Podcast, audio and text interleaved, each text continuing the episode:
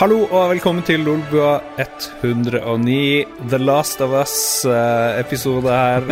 Vi, Nok en gang så har skjebnen spilt oss et puss. Vi trodde vi var ferdig med å være hjemme alene, men det er vi ikke. Eh, nok en gang er det min gode venn Magnus Tellefsen. Hallo, hallo. Hallo, og meg sjøl, Lars Ricardo, som sitter i studio for å lose det gjennom en time og pluss litt til med spill, populærkultur og kos og klems. Vi skal snakke om det første spillet som gjorde oss hekta. Vi skal snakke om hva vi har spilt i det siste. Vi er bedt om å kaste terning, så kanskje vi skal gjøre det. Eh, vi skal kanskje ta for oss noen news. Alt det her venter deg de nærmeste minuttene. Hva du tenker om det, Magnus? Det høres fantastisk ut. Det er første gang jeg hører det, så jeg er superklar til å høre deg fortelle om alt dette her. Altså. Ja, ja, sånn er det. Sånn er det når én må ta styringa når alle andre faller fra, akkurat som i The Last of Us, når verden bryter sammen. uh, vi kan snakke litt om hva vi har gjort i det siste. Magnus Tellefsen, sønn av Arre. Ja. Um, ja. Mor av Ronny. Uh, hva har du gjort? Jeg var, jeg var, på bursdagsfest hos uh, en dude forrige helg. Det var ganske spredt i Oslo. Oi. Han fylte 45, tror jeg. Wow. Wow, 45. Ja, ja du mener det. Jeg, jeg, tror det var 45, eller så var det 50. det var et rundt tall, i hvert fall. Mm -hmm. og nei, jeg var jo i din bursdag, Lars, forrige helg. Hurra. Akkurat kommet hjem fra Kina, og en, en, liten um, jetlag fremdeles i bakhodet. Bestemte meg for å ta uh, siste farvel med alkoholen for denne gang igjen. Etter et lite avbrekk i uh, Kina, så uh, da ble det full rulle på uh, Solli-plass av alle steder, Lars. Ja. Hva var dealen med det? Ja, hva er dealen med det? Jeg visste ikke før det var booka, vi nesten skulle dit, at det her var sånn fancy søring-vestkantsplass. Og, og Ja, fikk skikkelig bange anelser òg. Folk drev og Ja, det kommer til å bli utrolig trasig, og vi kommer til å bli heven ut, og, for vi har ikke fine nok klær. Og det var litt sånn negativitet kobla til plassen. Var det det, ja? ja, det var, folk hadde gått på nettet og sett sånne user reviews av NOx, og der var det litt sånn Ja, hvis du sitter der når stamkundene kommer, så blir du hevet bort av vakten, og hvis du ikke er kledd sånn og sånn. Og, og det var jo litt sånn der, høy champagneføring der. Det, folk så champagneflasker, og det var innspilling av noen sånne bloggerne-ting, eller det var noe eller annet sånn ble det sagt. Det var noe TV-kamera der og noe greier. Så det var litt sånn. Ja, for dere hadde booka stedet til, frem til et visst klokkeslett, og så var det åpent for alle. Ja, klokka 11. Så, Klokka 11, ja. Vi var, to, da- ja, vi var to som hadde bursdag da. Så det var 40 pluss 40 års fest, kan du si. Riktig. Og det, det virka som dere hadde litt hver deres bursdagsfest også. For det at eh, det var Den andre bursdagsfesten hadde en del eh, partygames og noen masker, og det var litt mer konsept på den. Mens, eh, mens du satt der eh, brukket og eh, Ja, skada ved, ved bordet og koste deg med kompiser i stedet. ja eh, han, min venn Øystein, som også ble 40, han Ja. kom i sånn ganske kort tid i forveien og ville ha kostymefest. da. Eh, og jeg bare eh, fuck, fuck det. så sa Folk bare kom til meg jeg, og sendte melding er det noe sånt, må vi ha med oss masker. Og jeg bare nei da, drit i det. Så Ja. noen som hadde maske, og noen som ikke hadde. Og, ja. Han prøvde å eh, plassere sånn her eh, Anonymous-maske i hånda på meg og sa 'her'. Så sa jeg nei takk. og så, og så, så tror jeg det ble litt dårlig stemning mellom meg og hele resten av kvelden. For jeg var litt for rask. Men uh, nei da, men det var, det var hyggelig, det. Det var en utrolig koselig fest. Jeg kjenner jo mange av dine venner. Vi har uh, overraskende mange felles venner siden Jon Cato har uh, langt på vei integrert meg i det relativt store nordlendingmiljøet i, i Oslo. I hvert fall Harstad-miljøet. ja, jo Så Vi er ganske Mm. flinke å henge i hop eh, den der eh, Harstad-gjengen. Ja, de skal ha den. det er ganske Vi er litt sånn med Kristiansand òg, men uh, kanskje de første ti årene jeg bodde i Oslo, så var det bare Eller ikke bare, men det var en veldig sånn tight community på kristiansandere. Så begynner folk å få unger og sånne ting, så ramler det fra hverandre. Ja. Folk får Ja.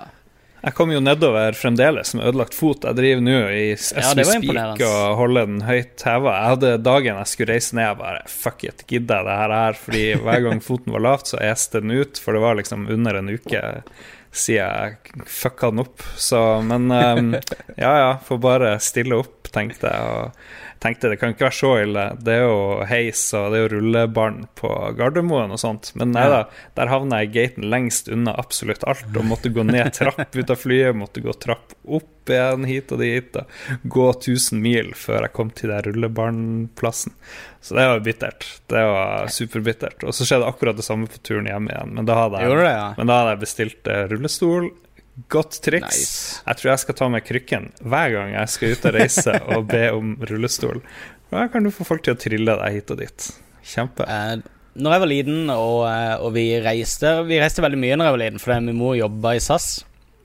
Uh, så husker jeg um, på flyplassene at det var to ting jeg alltid hadde lyst til å prøve der, som jeg irriterte meg at jeg aldri fikk tilgang på. Det første var de der sparkesyklene som uh, Husker du som flyfolk brukte før på flyplasser? Ja. Litt sånn store, tunge sparkesykler de brukte for å komme til gaten i uh, hui og hast. ja. Bruker de ikke det fremdeles? Er det ute? All, jeg har ikke sett det på mange, mange år. Ja. Og det andre er jo de der fete jippene de kjører rundt med, som lager sånn mip, mip, mip når, de, når alle må flytte seg fra det og sånt. Mm. Ja. Og det så jeg for meg at du kom til å bli automatisk plukka opp med når du kom med ditt, eh, ditt grove handikap på flyplassen. I hvert fall på Gardermoen. Men det, sånn var det ikke, altså. Nei, du må, du må selvfølgelig si fra at du er, trenger litt assistance. Det hjelper ikke Ja. når du ser 'å, fuck, jeg er gaten' lengst bort, og så kommer jeg klagende. Det bare riktig. Jeg sa 'det her er ganske langt', sa jeg til en av de flyvertinnene, og bare 'ja, det her er ganske langt'. det her er ikke mitt problem, Korrekt. i parentes. Å, shit. Ja, nei, Idet de går av flyet, så er de ferdig med å være superserviceinnstilte. Så la noen andre sin tur. Men jeg fikk, jeg fikk overraskelsesfest på fredagen òg, for da når jeg hadde gått nær en mil til, fra gaten til utgangen, så var ikke han som skulle plukke meg opp der. Og Rune var ikke der, og så bare ringte han og bare hacka, og som skjer?' Og han bare 'Nei, jeg gidder ikke plukke deg opp'. What? Men så dukka plutselig to andre kompiser opp og tok meg med ned til en eh, festlighet. Jeg som egentlig bare hadde lyst til å sette meg ned og sove eller hvile, var ikke i form til noe som helst. Du er jo 40, du er jo gammel mann, du er ikke skapt for dette her. Nei.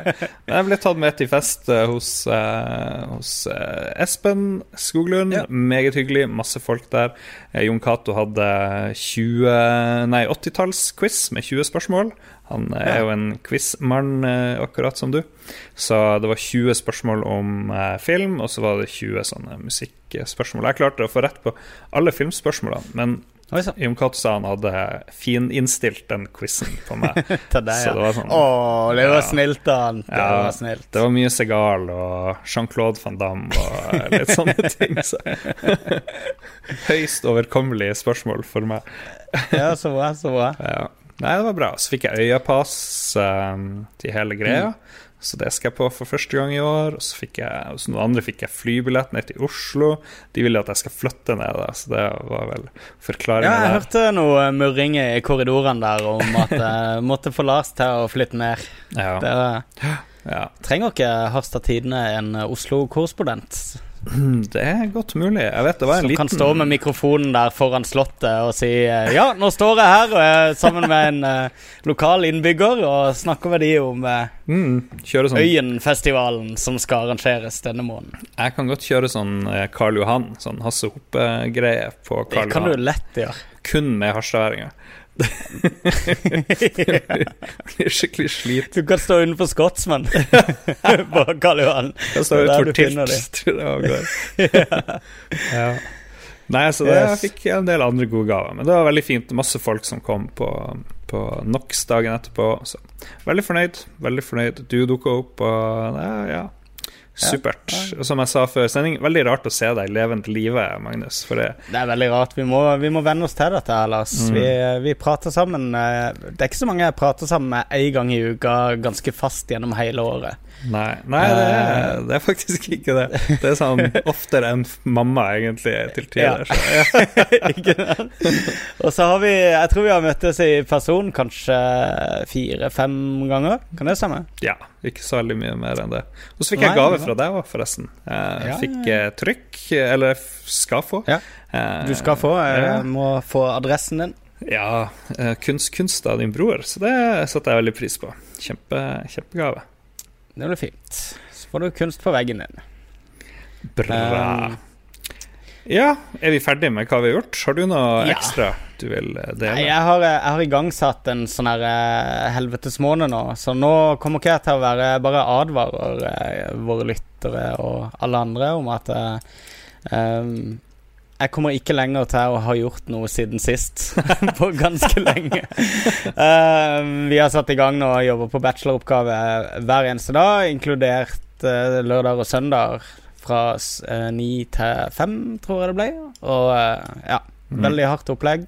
Veldig, veldig mye. Og jeg har to quizer jeg skal gjøre ferdig nå, og jeg har noen andre sånn sidejobber som skal gjennomføres. Så eh, jeg frykter at det blir li lite tid til å uh, mm. fylle livet mitt med noe nå.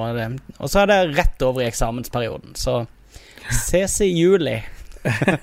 Goodbye, world. Yes. Ja, ja, ja, sånn er det å være student.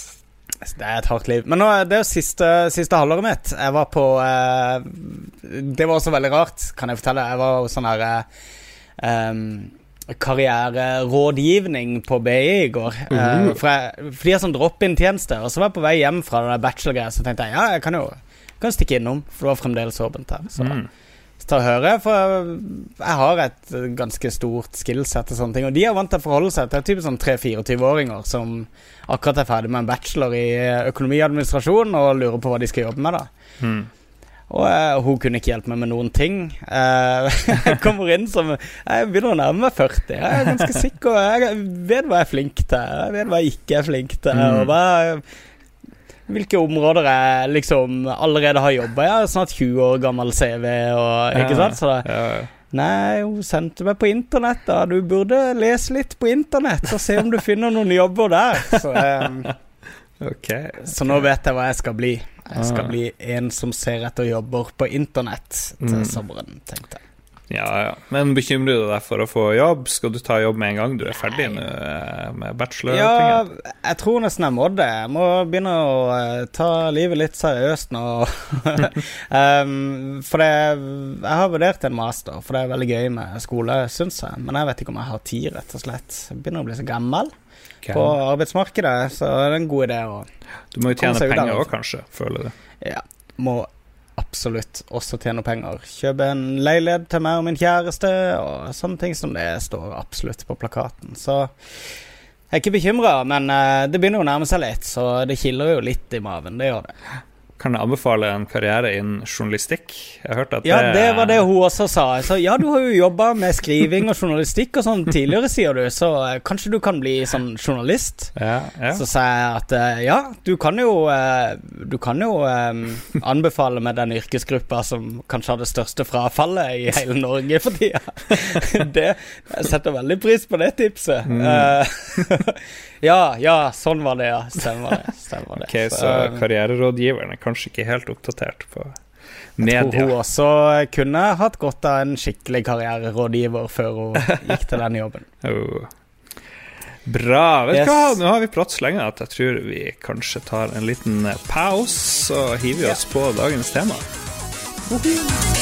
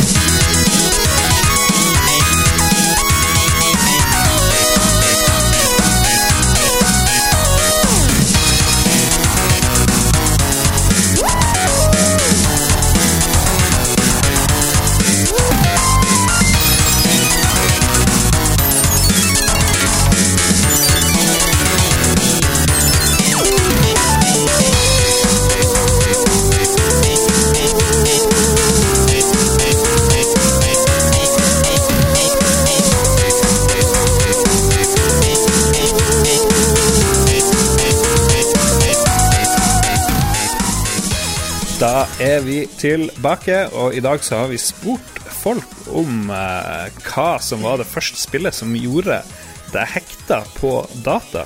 Og eh, Jan Christian Hegel gjorde meg fort eh, klar over at hekta er kanskje litt dårlig uttrykk å bruke, for han sier hekta på spill, Banjo og Kazooie, eh, Banjo Kazooie og Chameleon Twist, men hekta som i avhengig, så blir det vel World of Warcraft.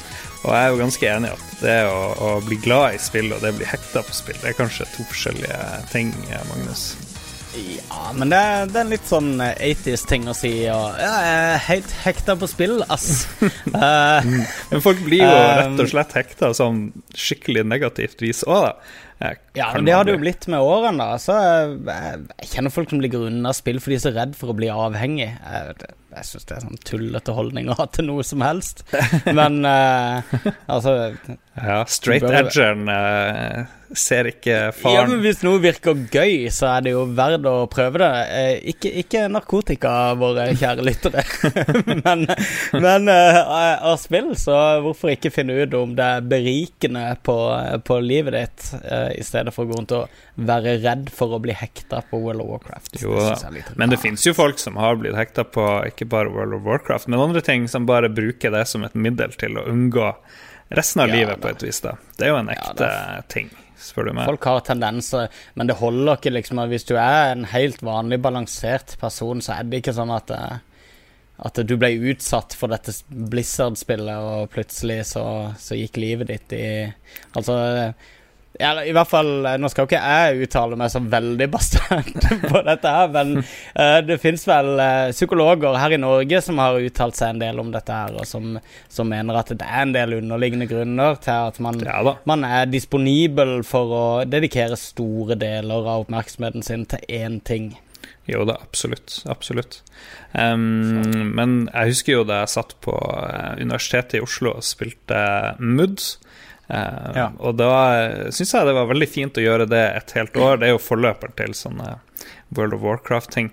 Uh, ja. Veldig fint å gjøre det i stedet for å fokusere på alt det jeg burde gjøre. Så det var, Selvsagt. Ja, det var ikke sånn 100% positivt. Men jeg vet ikke. Når du er på universitetet og er 20 år, så kan man slippe unna med ganske mye. Men hvis du nå er opp i årene og, og sitter bare og spiller et eller annet og unngår å møte folk og sånne ting, så er det kanskje på tide ja. å snakke med noen som kan tingene sine, sånn at man kommer seg litt videre i, i livet sitt. Jeg satt, uh, jeg satt, på IRC basically hele videregående fordi vi hadde tilgang på internett mm. da jeg gikk på videregående for første gang. Så uh, det var heller ikke noen god idé. Det var ikke så mye spill involvert i akkurat den IRC-greia, men det var ganske hektende, sted òg. Ja. Så selvsagt, man bør uh, styre seg sjøl unna de største fristelsene, kanskje, men ja.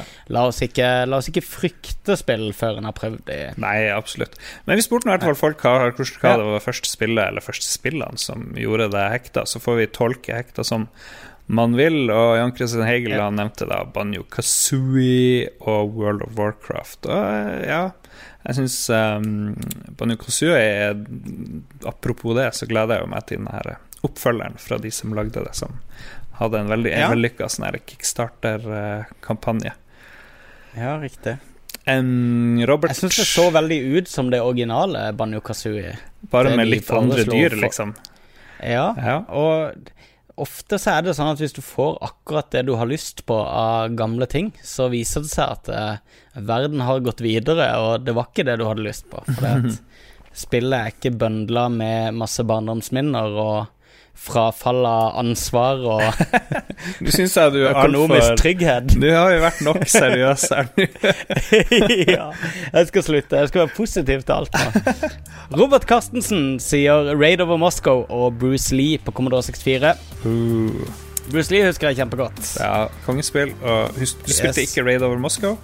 Nope, no. Jeg husker jeg ikke. Bruce Lee, ja, Bruce Lee hadde jo litt med Bruce Lee å gjøre, selvfølgelig. Og var, styrte en kar. Raid over Moscow så var du eh, veldig mye forskjellig. Da skulle du liksom invadere eh, Moskva. Det var veldig sånn high-tech eh, romskip du skulle fly, og til slutt var det sånn tronsekvens, og det var veldig sånn variert spill. Litt sånn som de var før i tida, hvor ett spill gjerne kunne bestå av sånn fire-fem forskjellige spill med varierende kvalitet. Ja. Ja. ja. Absolutt. Niklas Paulsen han uh, sier at det første som gjorde han hekta, var Doom 2. Uh, veldig bra veldig bra valg. Ja, Doom 2, ja. Det var jo fabelaktig. Snakker om uh, den vanskelige oppfølgeren. Der, der, leverte de med Doom 2, vil jeg si. Ja, absolutt. absolutt. Det kommer jo nytt Doom eh, snart. Det er vel beta ute på det, og folk virker veldig positive. 60 frames ja. eh, overalt, eh, så vidt det. Jeg gleder meg veldig til å spille det. Jeg lurer på om det blir Det er PC også, ikke sant? Mm. Det må det vel være, ja. for den gjengen. Um, det tror jeg skal spille på PC. Ja. Faktisk.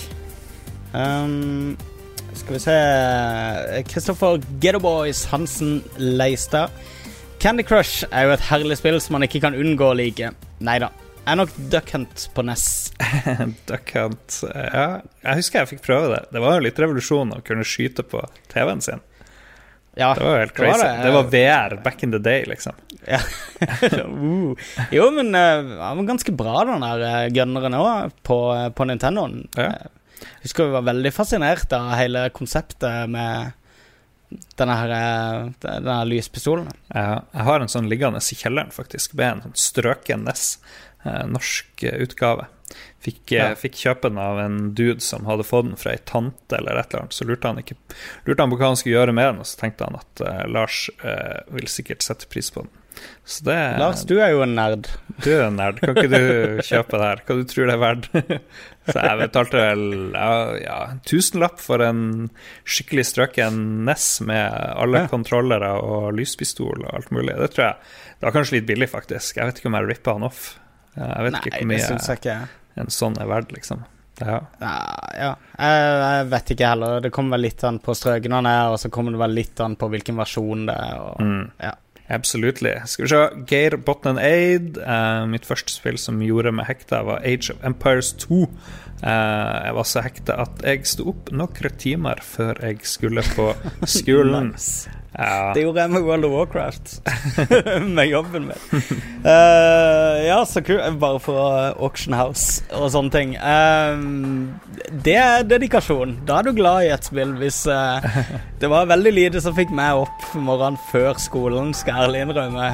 Uh, så, men Age of Empires, det er mange som etterlyser et nytt Age of Empires-spill. mange som har prata om Microsoft må slutte å Uh, dilte etter de, de som uh, De PC-game-utviklerne, og heller lage et nytt Age of Empires. Det er det mange som sier for tida. Ja, absolutt. Um, jeg har alltid vært litt dårlig i strategispill, så jeg var nok aldri så veldig hekta på det. Men jeg er veldig glad i konseptet med den historiske vinklinga. Ja. Nei, jeg var heller aldri den største Age of Empires-maren. Hva sier Rolf Helge? Rolf Helge Øvergård, Ingebrigtsen sier eh, første møte med Spyro the Dragon. For en gutt på fem år så var det ikke noe mer magisk og imponerende enn en lilla drage. Et spill man kommer stadig tilbake til for å mimre om gamle dager. Gode gamle dager. Ja. Um, de tre første Spyro-spillene var fabelaktige på PlayStation 1.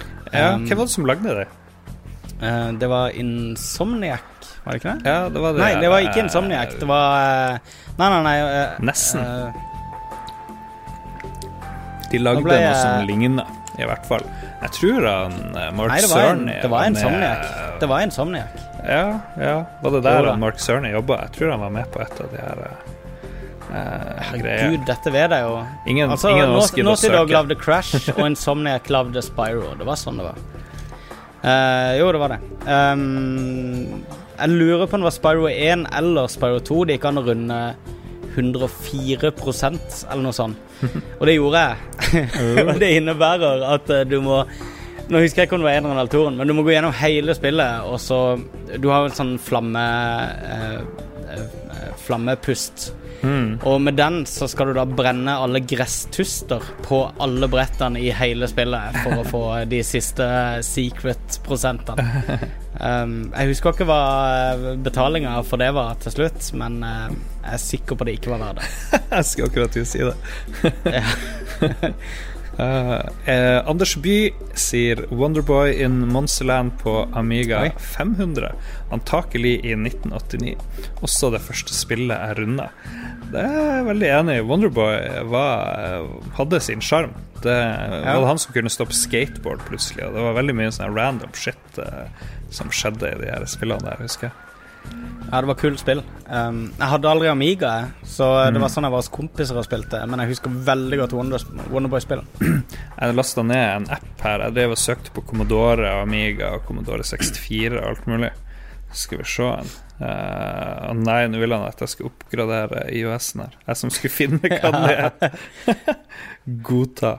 Der, Så ja. sier du nei, og så sier han 'kan jeg oppdatere til kvelden'? Så sier du nei, så ok, tast kode for å oppdatere til kvelden. Nei, sa jeg. Og Jeg har lasta ned noe som heter Modbox, som er sånne her eh, Amiga-moduler. Og så tror jeg også faktisk at eh, eh, ja, så er det sånt Mordiplayer. Det er utrolig mange sånne Amiga-modul og Commodore 64-musikk-apps rundt omkring. Så de, Yes. eh, de anbefaler jeg veldig, altså. Ja. Bare sånn apropos. uh, The Amiga. Apropos. Ehm, hvor var vi kommet nå? Vi er kommet til han Karstein. Karstein Pettersen, ja. Um, jeg tror faktisk det var Bruce Lee, uttrykksikonet Smile. Ellers er mitt alltime favorittspill Last Ninja, uttrykksikonet Smile. Mm. Uh, Last Ninja, ja. De brukte noen timer på det, husker jeg. Utrolig kult spill. Fet soundtrack, som jeg for en gangs skyld kan si. ja, men det er det. det er, Last Ninja er vel et av de spillene jeg har slettet mest med sånn Ja. spillmekanisk, men likt musikken best på. Det, det største spriket mellom å nyte et spill og høre på et spill, muligens.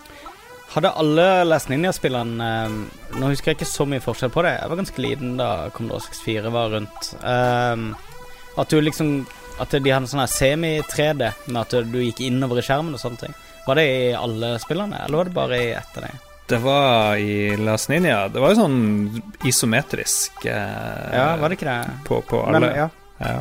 ja, i alle, ja. Mm. For jeg husker jeg var fascinert av det. Det, det var basically 3D. Christian Langeland sier Davids Midnight Magic på Commodore 64. Simpelt, men utrolig vanedannende flipperspill. Og jeg vet ikke om du prøvde det. Det var noen som sa at det også fantes til Apple 2. Og jeg spilte det i hvert fall på Commodore 64, og det var første sånne Mm. flipperspillet jeg digga. Det var forløperen på et vis da til de her Pinball Dreams, som jo tok det mye lengre, da. Men, eh, men Davids Midnight Magic, utrolig ganske simpel grafikk. Det var vel sånn svart bakgrunn og hvite sånne eh, brettelementer pluss litt til. Men eh, kjempegod fysikk. Og, og jeg savner jo eh, Jeg syns alle de nye flipperspillene er sånn De er altfor fancy. Og så scroller er skjermen altfor mye innover og hit og dit. Og jeg vil gjerne ha det Ja. simpelt som mulig, helt sånn som Pokémon Pinball på, på Gameboy Color, eller hva nå farsken det var. Gameboy Ja Advance. visst det. Eh, Midnight Magic, var, det, var alt på én skjerm der? Eller scrolla Det er mulig den var delt i to eller et eller annet. Eventuelt at det kun Ja. var én skjerm. Det var jo ganske, ganske simpelt, i hvert fall. Ja. Jeg, må, jeg prøvde å finne det på sånn her IOS eller på mobilversjon, men det finnes sikkert på Android, men ikke på Det fantes dessverre ikke til iPhone. Nei, selvfølgelig ikke. Europe. Vegard Megaman Mudenia sier første spillet han ble avhengig av, et spill han fortsatt holder på med, nemlig The Binding of Isaac. Vegard Megaman Mudenia er jo som kjent fire år gammel, så eh, han eh, Det aller første spillet han ble hekta på, eh, var et spill som kom nå nylig. Uttrykksikonet Smile. Ja, jeg ba han ut, liksom, utdype der. Jeg syns òg jeg reagerte på akkurat samme måte.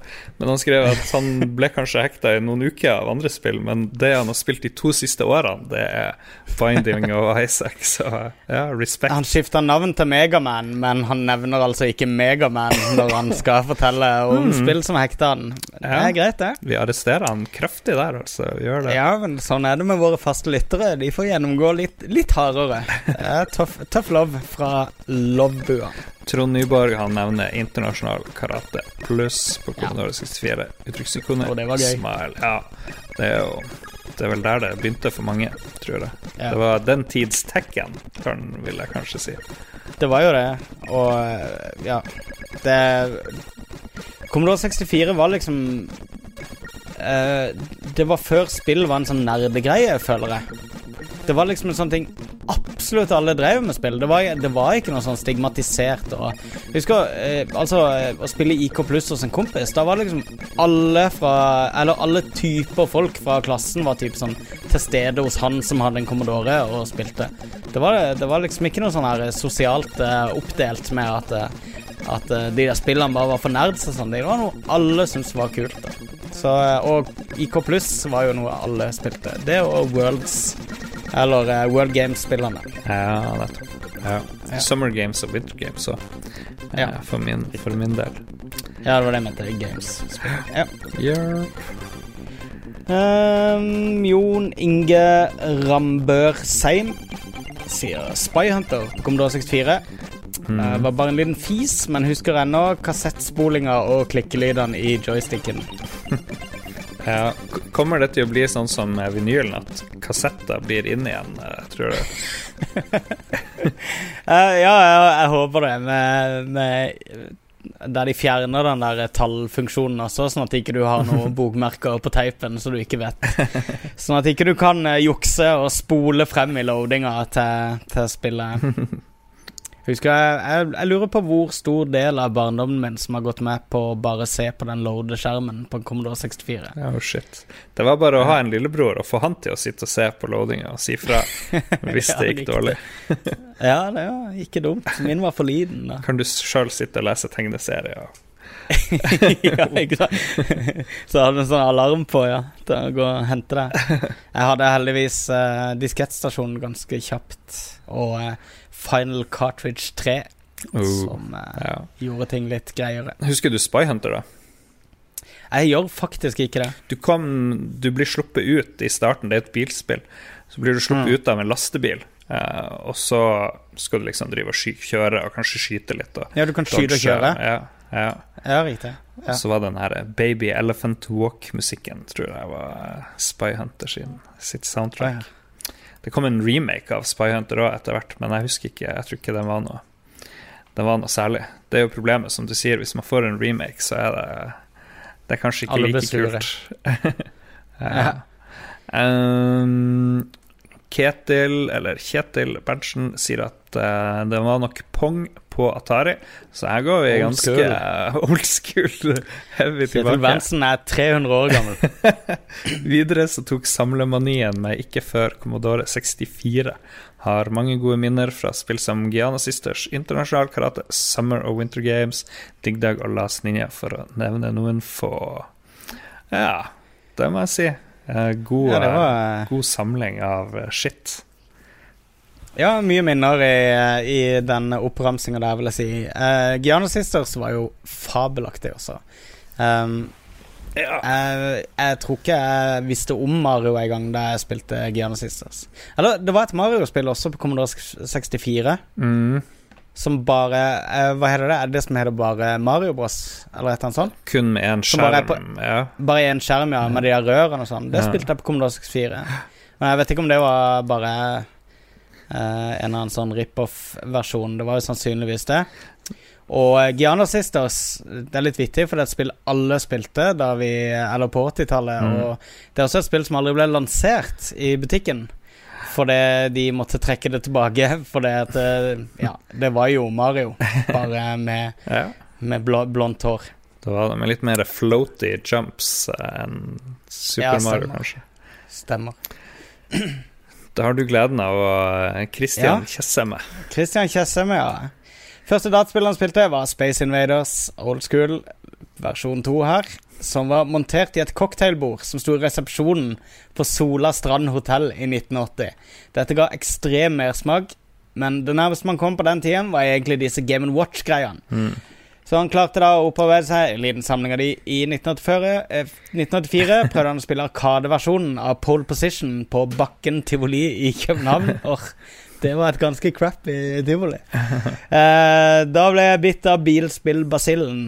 Samme år fikk jeg også Commodore 64, så da kunne jeg spille pole position hjemme. Har aldri slutta å spille bilspill etter det. Vi har jo stående invitasjon til Christian Tjessem å dra han til han og Jannes Mancave, hvor han har masse sånne her, eh, noe sånn kabinett eller sånn bilspilloppsett-greier, eh, Ja, så så vidt jeg vet. Ja, så det må vi jo eh, få til en gang.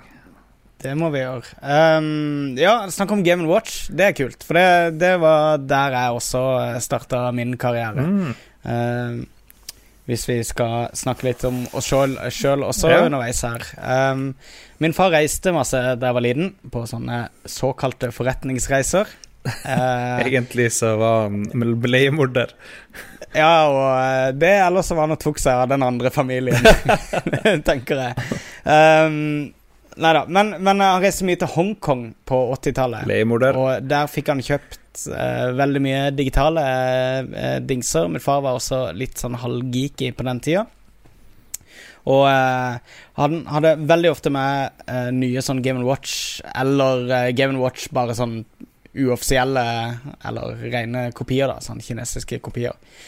Så vi hadde vel en 20 av de der. Som vi, eh, hver gang vi var ute og reiste, så hadde vi med oss en, en bag med Game Watch og en haug med batterier. Og det var jo ikke mulig å skru av lyden på de der. Så jeg tror kanskje ikke vi var de mest populære på flyet som barn. Gikk det ikke an å skru av lyden? Det er jo kanskje Nei, kunne du det? Nei, jeg vet ikke. Ikke, det er ikke som jeg kan huske. godt spørsmål. Og så istedenfor å ta ut batteriet og se inn igjen, noe vi begynte å gjøre når vi ble eldre, hvis du gjorde det dårlig på første livet, ikke sant, mm. så, eh, så, tok vi bare døde. Og da var det helt igjen Så det var, det var stas å være foreldre, tror jeg, på den tida der. Ja. Men Game Watch har jeg mange gode minner fra. Hva er din favoritt-Game Watch-ting? Godt spørsmål, egentlig. Donkey Kong Junior var veldig fett, syns jeg. det, var den, Det det, var den jeg hadde, og spilte den til fordelen datt av. Det var bare sånn hvit, Ja. hvit greie med knappene på til igjen, nesten. Altså, eh, og jeg husker vi var sånn noen venner av familien som hadde sånt Disney-spill som jeg mener husker huske jeg syntes var dritgøy. Et Donald-spill. Mm. Men jeg hadde aldri det originale Donkey Kong. Det spilte jeg bare hos kompiser. Så det er egentlig litt rart ikke at det er på to skjermer. Ja, jeg, jeg, jeg likte best de på én skjerm. Det med to skjermer, det var litt Ja. sånn Det ville jeg ødelagt etter tre Ja. dager uansett, tror jeg. Det første, det første jeg husker, var et sånt sjongleringsspill. Mm. Der du bare skal Ja, ja, husker sjonglere en haug med baller. Ja, nei, Det er det første. Donkey Kong Junior, altså. Det, var, det sitter i fingrene sånn fremdeles. Jeg har fått prøvd den sånn, og det er bare tut, tut, tut, tut, opp og ned, opp og ned. Og, oh, det var så Ja. evil etter hvert òg. ja, veldig. All right, da fikk vi Yes. mimra litt hardcore der. Eh, Takk for den. Takk, Christian. Kurt Arne Strømmen. Eh, skal vi se. De jeg husker sånn på sparket, var Impossible Mission, Blue Max og Barbarian på Commodore 64. Jeg tenker Blue Max, det savner jeg veldig ennå.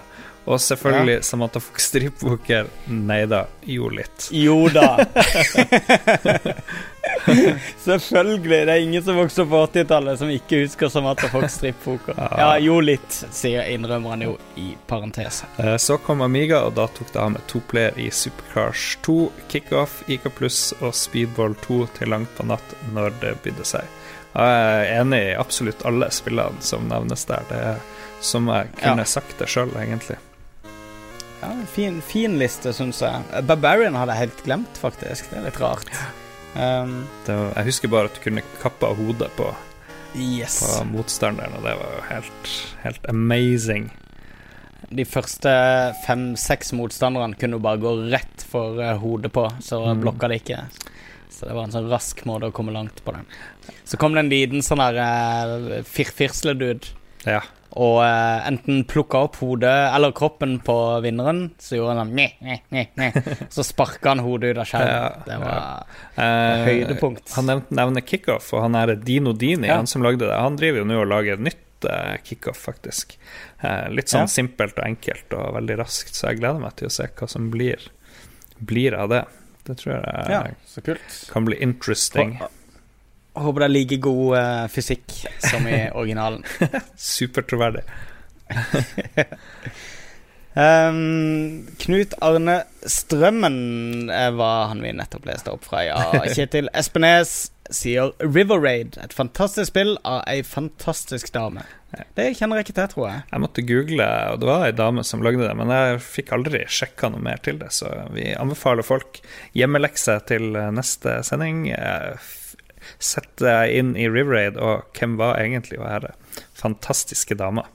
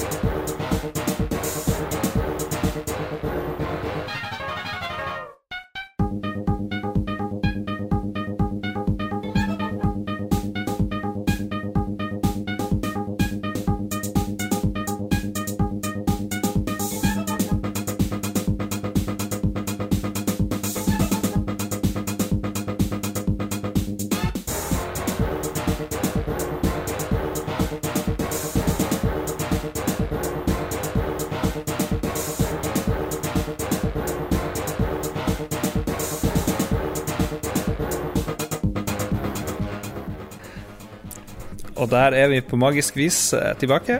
Uh, Magnus Tellefsen, nyhetsankeret i Lolbua. Den som holder seg oppdatert på absolutt alt. Uh, spesielt Donald Trump ser jeg at du har valgt ut som ja. uh, nyhet her. Jo, Mitt favorittema. Ja, og jeg kan gjøre, nevne det som produsent her av dagens sending, at alle nyhetene er oversatt med Google Translate. Så lykke til. Og vær så god, Magnus Tellefsen. Ja, lambasts er et ord jeg ikke på sparket kan oversette her. Eh, Donald Trump for å bruke Mass Effect-lyder i kampanjen. Annonse. I annonsekampanje, faktisk. EA har eh, svart på Donald Trump etter at han brukte opphavsrettsbeskytta lyd fra Mass Effect 2-trailer i en annonsekampanje. Uh, vi uh, går ikke med på at våre verdier blir brukt Våre uh, eiendeler, mener de vel, da, blir brukt i politiske kampanjer, forteller spillutgiveren til Game Informer. Etter at Trump retweeta den aktuelle videoen. Mass Effect 3 gameplay-designer Manvir Hair tvitra jeg elsker ideen om at uh, Trump eh, mener at Eller trolig mener at han er Illusive Man, som er skurken i spillet, finner vi ut etter hvert. Yeah. Har du hørt om den nyheten? Ja, jeg fikk med meg det. Det er jo Jeg syns det var en litt sånn rar ting å blåse opp, for det at eh, det er bare en fan som har, uh, har lagd en sånn her fanvideo basert på en Mass Effect uh, trailer hvor han har bytta ut uh, Hillary og Trump med forskjellige figurer og lagt inn noen klipp. War. No one wants to admit it, but humanity is under attack. One very specific man might be all that stands between humanity and the greatest threat of our brief existence. That man is my father. My generation finds itself at a crossroads. If we don't adapt politically and economically, our country will be left behind. I will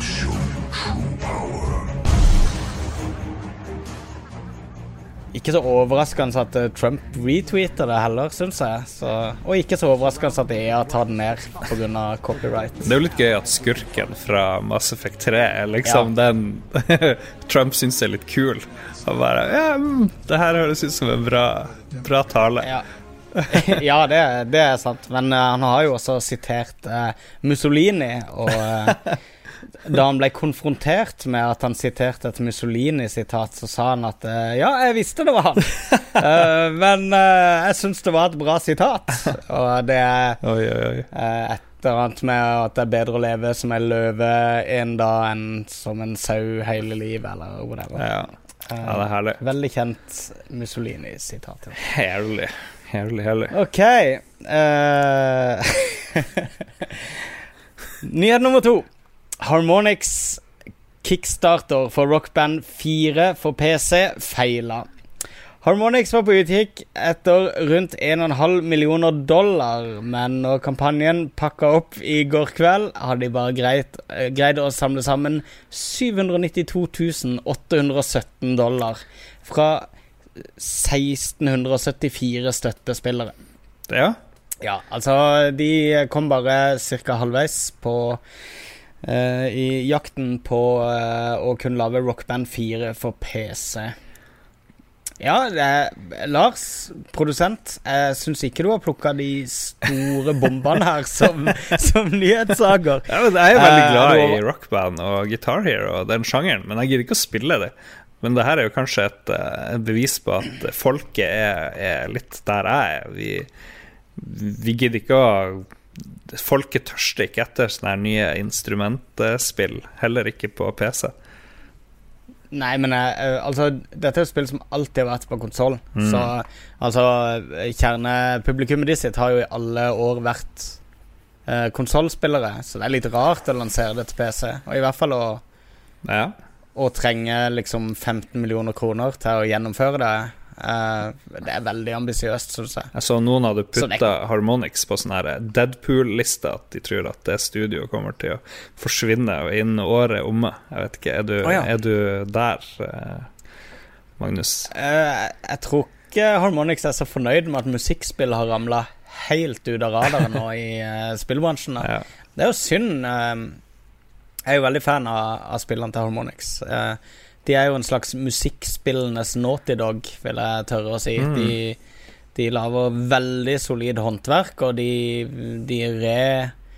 Um, eller hva skal du si? De, de gjenoppfinner sjangeren veldig ofte i sine produkter. Så, sånn sett syns jeg det er trist å se de forsvinne. Jeg likte til og med det der DJ-spillet de sitt. jeg husker det.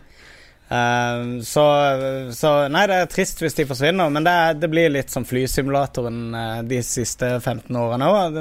Kommer tilbake nå. Kanskje musikkspill er en ting som, som dukker opp igjen på sikt. Ja. De hadde jo det her Fantasia-spillet, som er et sånn musikk-Kinect-spill, og det kom vel nøyaktig omtrent da eh, Microsoft ikke gidda å bruke Kinect mer, og ikke Ja. ville at det skulle være um, fast Men det var et veldig fett spill. Jeg har spilt det en del, faktisk. Okay. Du står og føler deg litt dum i begynnelsen, men du står basically og er og dirigerer disse her eh, Fantasia-låtene. Mm. Sånn Mickey Mouse gjør i Fantasia-tegnefilmen. da Det er sånn du føler det når du står liksom og Det er en veldig sånn magisk dirigering. Eh, anbefaler å prøve det for de som har eh, tilgang på et Kinect-kamera, i hvert fall. Jeg syns det var veldig givende. Men det er dette her med Altså om teknologien helt er der for å Altså responsen er ikke 100% ennå på kameraer. Og eh, ja, Mm. det er nok der det eh, faller bak foreløpig, syns jeg. Absolutely. Trist, men sant. Skal vi gå i gang med en skikkelig bragnyhet for alle dere PC-spillere som eh, Oh shit. syns at det er for få PS4-spill på PC-en din, og så har du en konsoll som du nekter å bruke. For du kan nemlig nå spille PS4-spill på din PC eller Mac. Firmware-versjon 3,5 lar deg streame PS4-spill til din PC eller Mac som kjører Windows 8,1 eller 10. Dette er en herlig nyhet, altså. Eh, eller eh, OSX, eh, bla, bla, bla-versjoner. Streaming vil være tilgjengelig i oppløsninger opp til 720P. Standard er 540P. Og i hva, hva er dette for noe, Lars? Hva er det du, Du må skylde på Google Translate. Jeg vet ikke. Og du kan velge mellom 30 FPS, som er standard, eller 60 FPS.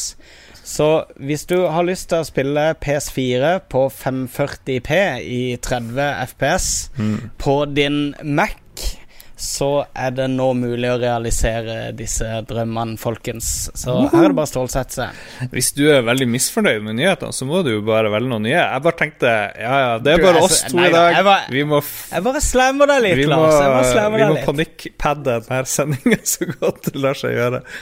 Ja da, ja da. ja da Uh, tingen er, eh, Jeg så dette her med at uh, dette var litt sånn big deal for, eh, eh, for Sony, at du nå kunne streame PC-spill. Jeg syns det er litt rart at ikke du kan streame de i 1080P med 60 FPS. Jeg vil tro at det var en ting de uh, For de har jo kjøpt opp denne streamingteknologien og alt dette. Jeg vil tro at dette var noe de liksom At eh, de ville ha 1080P 60 frames som et slags varemerke da på PS4-spill. Men her burde de kanskje sett på eh, den eh, noe begrensa suksessen til Microsoft med den her Xbox-streaming til PC, som de innførte for et halvt år siden eller noe. Jeg kjenner ingen som har prøvd funksjonen engang. Jeg har ikke testa det engang. Uh, så uh, ja.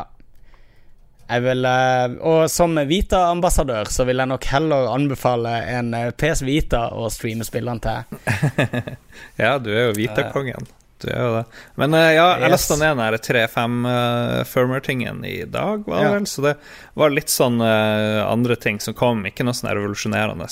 Sånn som Xbox, had, Xbox 360 hadde, så får du nå notifications når folk logger seg på. Det er jo for så vidt hyggelig å ha. Og så kan du også stille deg sjøl som usynlig, og det kunne du vel òg på Xbox Ja. 360 for lenge siden. Så de har, Ja, de har venta ni år på å innføre den funksjonen til PlayStation. Så det er Men det er en ting med japanske utviklere, er at de, de ligger litt etter på akkurat dette med internett. Av en eller annen grunn. De, eh, Sony begynner å, å komme der, men de sleit jo veldig på PS3 med AKT, når de plutselig skulle ha internettstøtte på konsollen. Og du ser jo Nintendo er jo helt forvirra med de, de har lav forståelse for bruk av internett. Uh, med dette her med sånn her 70 70-talls ID-kode og Ja, det er forferdelig. ja, så, og det der med at alt skal være sperra, og ingen skal vite hvem hverandre er. Og, så, men uh, absolutt, altså. Jeg, jeg syns det er kult at, at Sony utvider, og jeg håper på flere funksjoner med tida. Så kan du tagge folk hvis du legger ut bilder av, eller screenshots fra ting og tang. Kanskje også video. Jeg husker ikke helt på det. Så kan du også dele andre sin aktivitet, hvis jeg skjønner. Litt sånn som på, Ja. på Fjesbook. Så hvis noen får en, et, en, et trophy, så hvis, hvis jeg får et trophy i Destiny Mm. på PS4, så kan du share det til dine venner. Det gjør jeg med en gang. Det gjør jeg med en Så alle dine venner da vil gå inn og like den at jeg fikk et trophy i Destiny. Jeg vet ikke om det går an å like, men det burde jo, burde jo gå. Jeg ser for meg at eh, Det kan du på Xbox. Du kan gå inn og like andre Oh sånne eh, aktiviteter på en sånn newsfeed. det der er så tullete. Det der er bare sånn idémyldring rundt et han som bor sånn Vi må implementere sosiale medier. Og vi må ha all den sosiale medier-funksjonaliteten inn i vårt system, for vi er det neste Facebook. Det er bare piss. Det er ikke, Foreløpig i hvert fall så bruker ingen jeg kjenner noen av de sosiale nettverkene. Det eneste er vel eh, Lolbua er jo veldig aktivt på eh, På PS4, denne gruppa vår der. Ja. Ta, hvis dere ikke er med i PS4-gruppa, den kanskje mest aktive PS4-gruppa i verden, muligens. Jeg tror det er er Så det. er bare å Jeg tror man må søke seg opp med eller deg eller Jon Cato, og så finne ut hvilken gruppe vi er med i, og så bli med der. Så enkelt er det. Kun, Det er, det er null stress.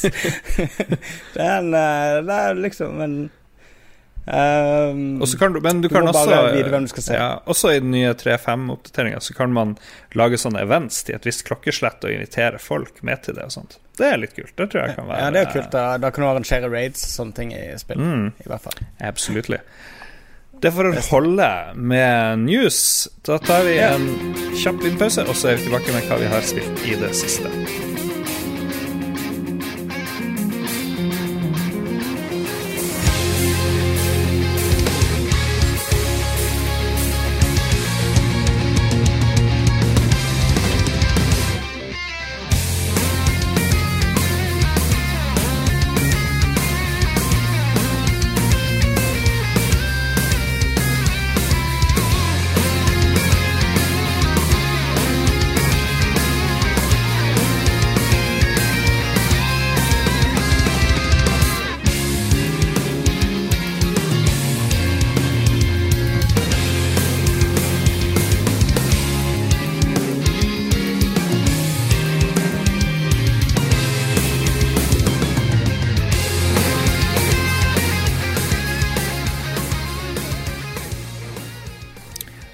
Magnus Tellefsen, min Hallais. gode venn som jeg så her om dagen. Hvordan går det? Fortell. Det går, eh, det går greit. Går det greit? Hvordan, Det er, si. hvordan går det med forholdet? Forholdet til dine spillemaskiner? Eh, Nå trodde jeg du skulle spørre meg om mitt forhold med min kjæreste. Det var litt, litt Det, rart. var, å det, seg på- det, jeg lurte deg der. Lurte deg der. Du gjorde det. Jeg var jo fullt klar. Nå begynte tårene å komme, og nå skulle jeg virkelig endelig eh, Ja, ja. fortelle. Men eh, OK, vi Ja. kan utsette det til en annen gang. Det, det, la oss gjøre det. Vi tar det i neste sending. Jeg Samlivsspesial. internaliserer det og ja. Men det jeg spurte om Har du fått gitt I forhold til har konsollene, var det det du sa? Ja, konsoller og PC. Har du fått gitt litt tid og kjærlighet til dine viktigste forhold i livet? Jeg har jo en sånn ting Når jeg er veldig busy på dagtid, så har jeg ingen energi igjen på kveldstid, og da sitter jeg enten og spiller til jeg kovner, eller så sitter jeg og ser på TV-serier Mm. før jeg til jeg legger meg. Og eh, i det siste så har jeg Men eh, jeg har ikke så veldig mye nytt å skryte av her. Jeg har spilt ekstremt mye Overwatch. Mm. Eh, Overwatch er jo Ja, men oppdater Jeg oss på det, da. Ja, det begynner å nærme seg lansering nå. Det lanseres jo om eh, et par måneder. Og eh, Blizzard er veldig kjappe på å pushe inn Eller veldig sånn hyppige på å pushe inn nytt innhold hele tida.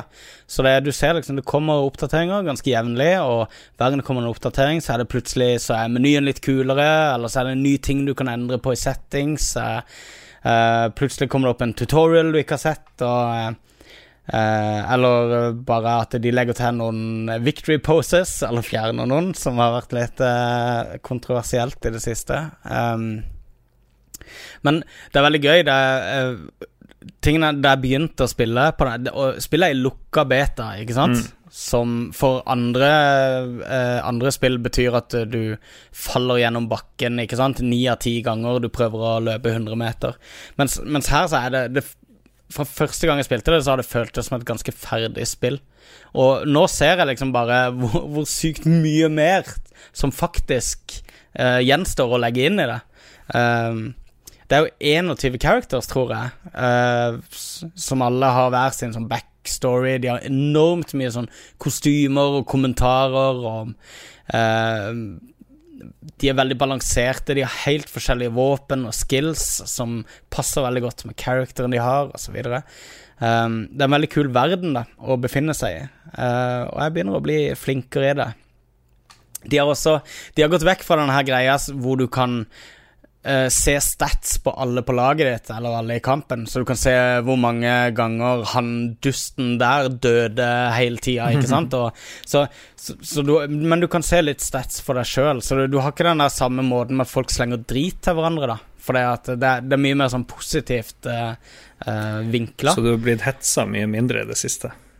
Mye mindre hetsing. Men, eh, men jeg, jeg spilte jo et ræva i begynnelsen. Det var jo skikkelig flaut. Men det var, det var litt oppmuntrende å vite at eh, ok, det er i hvert fall bare mine stats. Det er, det er ingen andre som kan gå inn og se hvor dårlig jeg er. Så eh, nå bare rir jeg av dette. Nå skal jeg bare bli flinkere. Og så blir du, blir du komfortabel på kartene og, og begynner å bli kjent og ser liksom hvilke triks som funker og ikke funker. Så så går det seg til litt etter litt, og så plutselig så begynner folk å Så kan, så kan du stemme på hvem du syns var den flinkeste da av et sånn knippe spillere som ble trukket frem i slutten av, Ja. av kampen.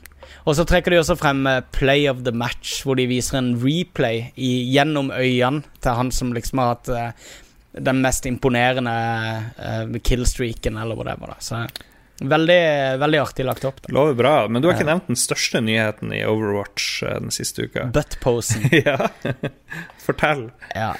Um, jeg ble sinnssykt oppe i går og satt og så på Twitch med Jeff Kaplan, som er prosjektansvarlig på spillet.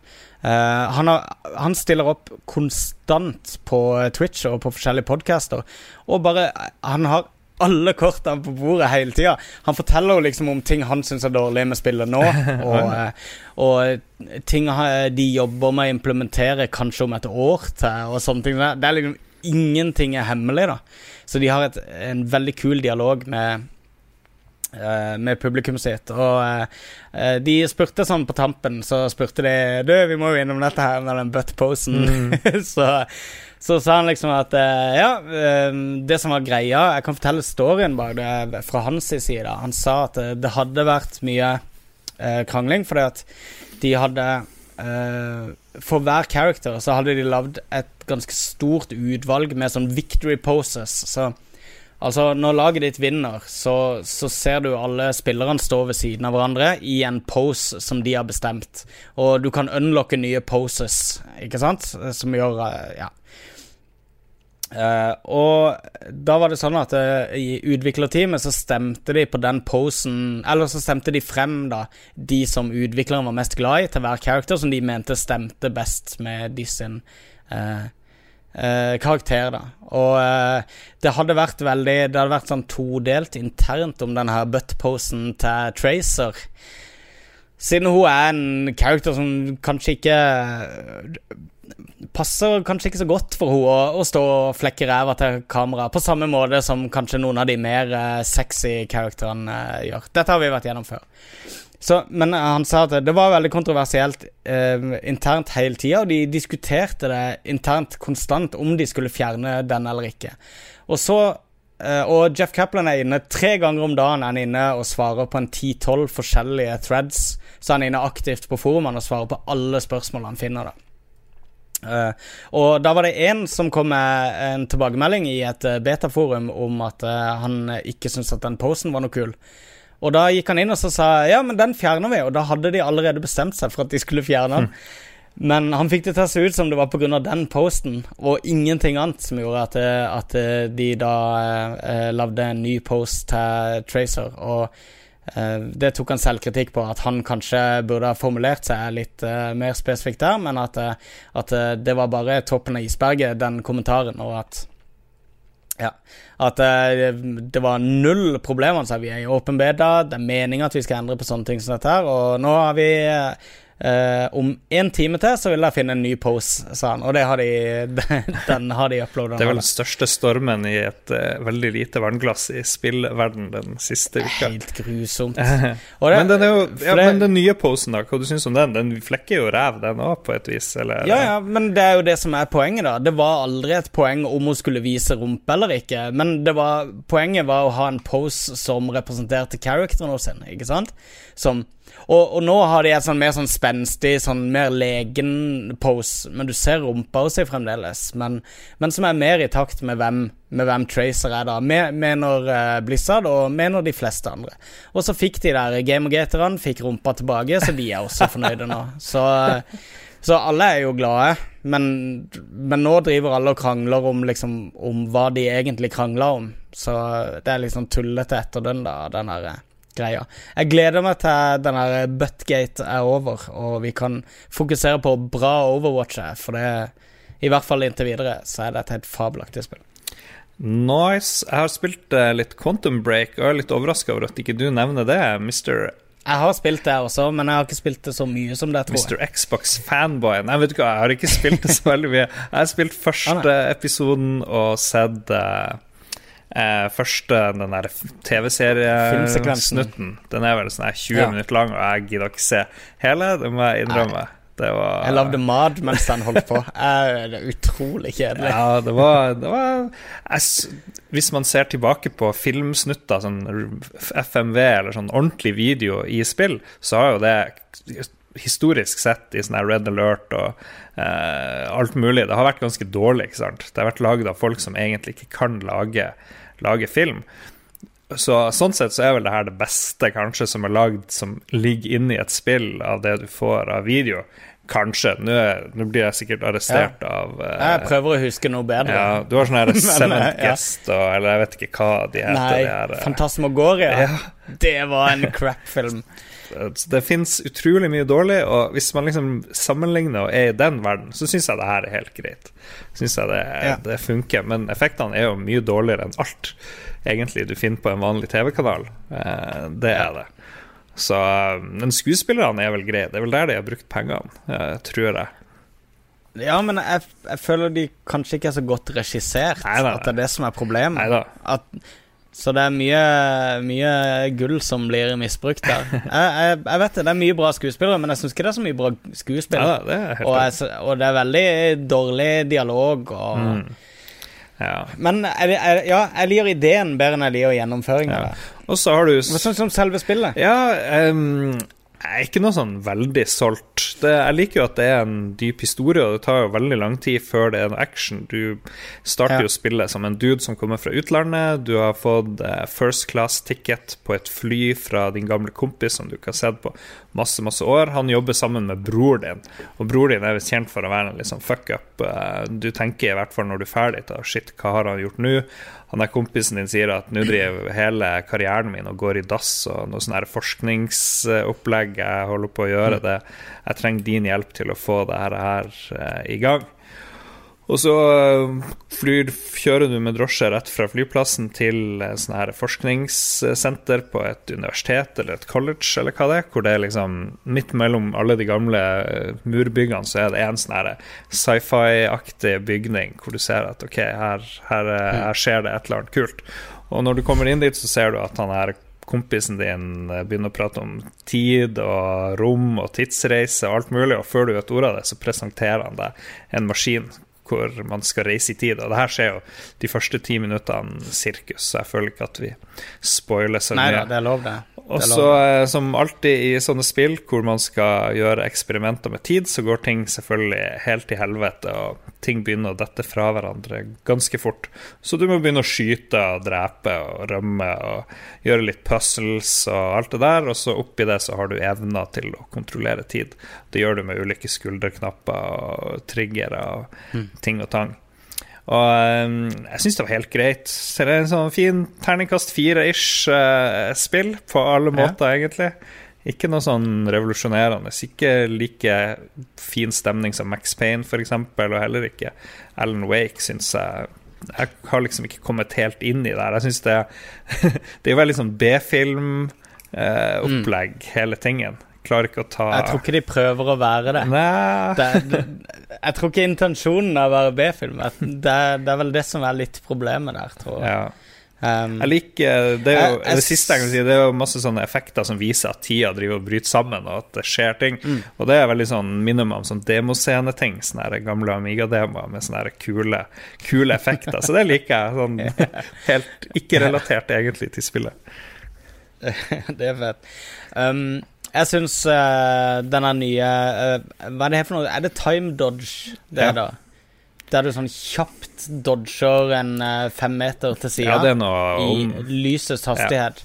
Og hvis du da trykker inn sikteknappen mens du time dodger, så går du inn i slow motion, som er en veldig fet måte, sånn taktisk måte. Når du kommer inn i et stort rom med mange soldater, så kan du hvis du, hvis du bruker de skillsene litt aktivt, da, istedenfor å bare barrikadere deg bak ei kasse i det første hjørnet du kommer til, liksom, men i stedet for å danse litt rundt i rommet, da, så, så kan det Så er det mulig å være litt kreativ på, på bruken, da, og, og lage litt kul visuelt og emosjonelt kult. eh, eh, sånn John Woo-action ut av det. Jeg, jeg likte veldig godt den time-dodgen. Det er jeg skal kanskje ikke si at det er Bullet Time 2.0, men uh, dette er jo fra folka som Ja. oppfant Bullet Ja, Time, så en må jo ha litt respekt for det. Jeg tenkte det inni eh, hodet mitt da du beskrev det, for jeg er ikke blitt så flink som deg på det der eh, time dodge-tingen. Nei, for det Men uh, timedodginga er veldig kul å, å bruke hvis de kommer Hvis de f.eks. Hvis de stormer der du sitter bak ei kasse i dekning, Mm. så stormer de, så kan du timedodge inn bak de, og i slow motion skyter de headshots bakfra. Da. Det, det føles veldig riktig å, å gjennomføre. Akkurat det syns jeg var kult. Sånn storymessig så jeg sliter litt med at han der duden er sånn 'Å, jeg kom rett av flyet fra Thailand og sånn, og så holy shit, og så skjedde det noe sprøtt med tida og sånn, og så er det bare sånn Ti minutter etterpå så driver han og plaffer løs med en gunner og skyter folk i hytt og vær. Null stress og bare Han har liksom drept 50 før han er ute av bygget, ikke sant? Og så bare Ja, ja, null stress. Ja. ja. De kunne kanskje tenkt litt på sånn karakterutvikling og sånn i storyen. De prøvde liksom å hoppe over det. da Ja. Men det føles jo litt nytt òg ut, syns jeg. Måten å fortelle Eller å Ja. fortelle et spill på, med at av og til får du valget mellom ta Ok, nå har du kommet så og så langt i handlinga, nå kan du velge hva skal skurken gjøre. For det er vel det som bestemmer Mm. Ja. de her eh, cutscenene, eller de her veldig lange det, filmene. det, det kan vi jo spoile, for det er ikke så langt eh, inn. Men han bad guyen er jo fra fremtida.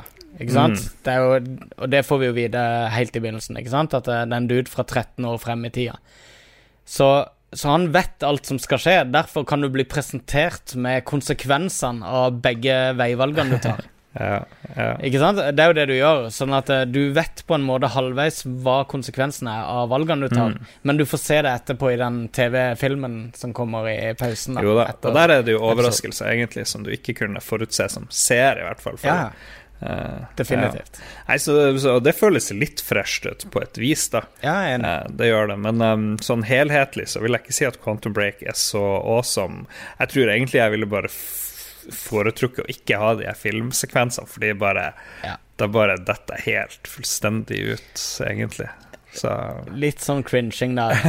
ja, Eh, det er det. Så um, uh, vi kan jo gå tease lytterspalten, hvor han Ståle Ballvinsen sier at han er stor fan av Bua. Eh, tenkte likevel eh, om vi kunne vurdere å anmelde spill i større grad enn vi gjør i dag. Når dere allikevel snakker om spill dere har spilt, lurer jeg på om dere kunne gitt en score til slutt. Og um, Nå har jo ikke noen av oss spilt Det ferdig det her spillet, ikke sant? men foreløpig så føles det som en slags eh, firer, det her er da for meg. Det, det skulle ikke overraske meg om jeg havner der, eller bitte litt lavere, eller something. Men jeg, jeg skjønner jo hva han mener. At han, men sant, Ja. vi anmelder jo spill på et vis, vi gjør jo det, men vi har aldri Vi fokusert på å ha noen sånn karakter. Men vi kan, for min Jeg elsker jo å slenge ut lite begrunna ternekast, eh, selvfølgelig. Tingen er at eh, når du kvantifiserer noe, så, så kan du sammenligne det, og det blir veldig rart når du setter ting opp mot hverandre, når du skal bruke samme liksom s- samme størrelser og sammenligne to helt forskjellige ting. Men uh, det går an å snakke om at uh, ja, jeg har en firerfølelse når jeg spiller spillet. Uh, nå, det går helt, helt fint an å si, men jeg, jeg, Men jeg tror endelig ikke vi kommer til å blir det innføre noe sånn ja. Hva Men endelig dom, det blir det jo selvfølgelig ikke. Hvis vi nå ikke har fullført det 100% eller Ingen av oss har kommet til episode to, så jeg tror vi skal vente med akkurat den. Uh, det blir nok mer eh, Overwatch før jeg setter meg og spiller mer Quantum Break. Jeg fikk det på PC òg i dag, så det, det er faktisk ikke sant. Jeg kommer til å spille det litt på PC òg, for å se hvordan den versjonen går. Kanskje vente på en patch, skal jeg tro i internetts uh, første reaksjon. Jeg kan også nevne at jeg har spilt gjennom eh, Final Fantasy 15 Platinum-demoen, som ble jeg lansert i forrige uke. Jeg ser at du digger den. Det var jo det var, Jeg kan først si at det var en sånn svær eh, Final Fantasy-sak i USA i forrige uke. Eh, stort auditorium, masse folk, jubel. Uh, Releasedatoen var jo liksom allerede røpt av GameSpot, eller hva nå enn det var. Det kommer vel i september, noe sånt? Er det? Ja. Oktober, september, Oktober, oktober. september, Ja. something.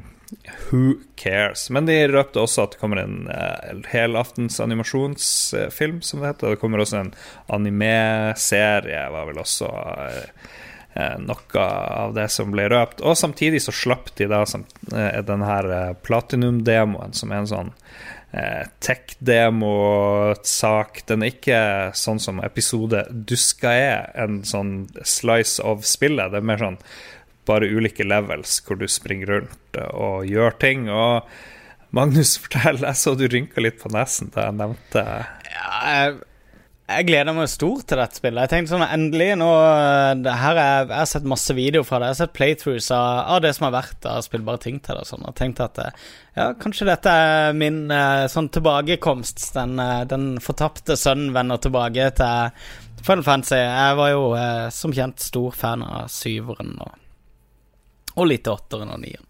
Eh, men det jeg spilte av det, syns jeg var helt grusomt. Du blir kjørt gjennom Det er en sånn dude som snakker til deg kun gjennom tekst, bare med å lage en sånn irriterende pipelyd før hver gang han sier noe, som er Hva er heter han er i Selda? Han eh, Haylisten. Navi. Ja. det er en sånn Navi da som de fant det for godt å inkludere i et spill i 2016 til å fortelle deg absolutt alt du skal gjøre. Det meste trenger du ikke egentlig å bli fortalt, for det at uh, spillet er intuitive også i 2016. Uh, sånn at vi, vi, forstår hva det er vi skal gjøre. Det, sånn er det ikke her i spillet. Du blir forklart absolutt alt. Uh, og alle skills og alle ting som trigges, trigges gjennom å, å trykke på Eller å, gå over forskjellige sånne her eh, pressplater på bakken. Som enten endrer været, eller gir deg noen superkrefter, eller gjør deg om til eh, en bøffel, eller ting som dette. Ja, du ble bøffel, du òg. eller noe. Ja. ja, jeg prøvde den flere ganger, var bøffel hver gang. Og så blir du sendt gjennom en litt sånn Alice in Wonderland-type verden, hvor du er bitte liten og løper rundt på det som da er mye mindre kreativt enn Alice in Wonderland, for det er gjort 3000 ganger før med, eh, I hvert fall på Xbox, der jeg spilte, et uh, kontrollsystem som var ekstremt vinglete og veldig lite uh, Veldig lite responsivt. Jeg er utrolig skuffa over det. Du ble også kjørt inn i en uh, bossfight som jeg kjente at Endelig en liten smak på hva spillet egentlig har å by på. Uh, jeg syns det var litt rodete måten jeg fighta på. Det er mulig det er noe du kommer inn i når du er tryggere på, uh, på kontroller og sånne ting som det der, men veldig mye så vingla jeg, da. Så det var veldig mye sånn panikktrykking og nesten døing før jeg liksom landa han der uh, bossen. Skjønte du at du kunne holde inne angrepsknappen, bare? Ja. ja. Altså. Jeg skjønte det. Men, um, men ja, jo, for det, det, jeg skjønte ikke opplegget. Jeg hørte jo på forhånd at ok, det er ikke en del av spillet, du bare er en slags drøm som skal pre presentere. Du er, ja, drøm, du, er, du er, unge, eller du er deg sjøl, eh, hovedpersonen, Noctis, eller hva han heter for noe, eh, som barn, og så må du unnslippe det her marerittet. Og jeg syns det var Det hakka, det så stygt ut, og mm. det var ja, det var da dårlig grafikk i et, uh, i et uh, Final Fantasy-spill. Ja, det var litt sjukt, det... sjukt uh, at, at, de presenterer en demo som ikke ser bra ut. Og så ja. Kampene er mye dårligere enn i den første demoen, for der kunne du velge mellom ulike ting, og det var litt mer fancy. Ja. Fancy slåssing og Nei, det er stor katastrofe, hele demoen. Men jeg ser at noen folk Ja, du er enig, ja, altså? Jeg, var, jeg var sikker på jeg var aleine her. Jeg syns det var bullshit. Men du spilte den andre demoen, ikke ja, sant? den første. Åssen uh, sto denne opp uh, mot den? Nei, Den så mye bedre ut. Du hadde et helt party du får rundt med. Du kunne velge ulike våpen. Uh, kampsystemet ja. var ganske janky der òg, men det fungerte tusen ganger bedre. Og så hadde du et svært område med Eh, som var sammenhengende. Og til og med grafikken virka til og med bedre der, så jeg skjønner ikke hva de holder på med. En sånn bitte liten begrensa demo, så et halvt år minst, mest, minst etter den forrige demoen, så klarer de ikke å gjøre noe bedre. Jeg, jeg er veldig undrende til hva de har har tenkt. Og jeg runda den her demoen her på 24 minutter, så jeg bare tenkte ok, det her bare skufler jeg gjennom. Jeg syns det her var Samme trasig. Her. Jeg bare, nei, nå løper jeg. Jeg løper mot mål. Det gjør jeg aldri i sånne spill.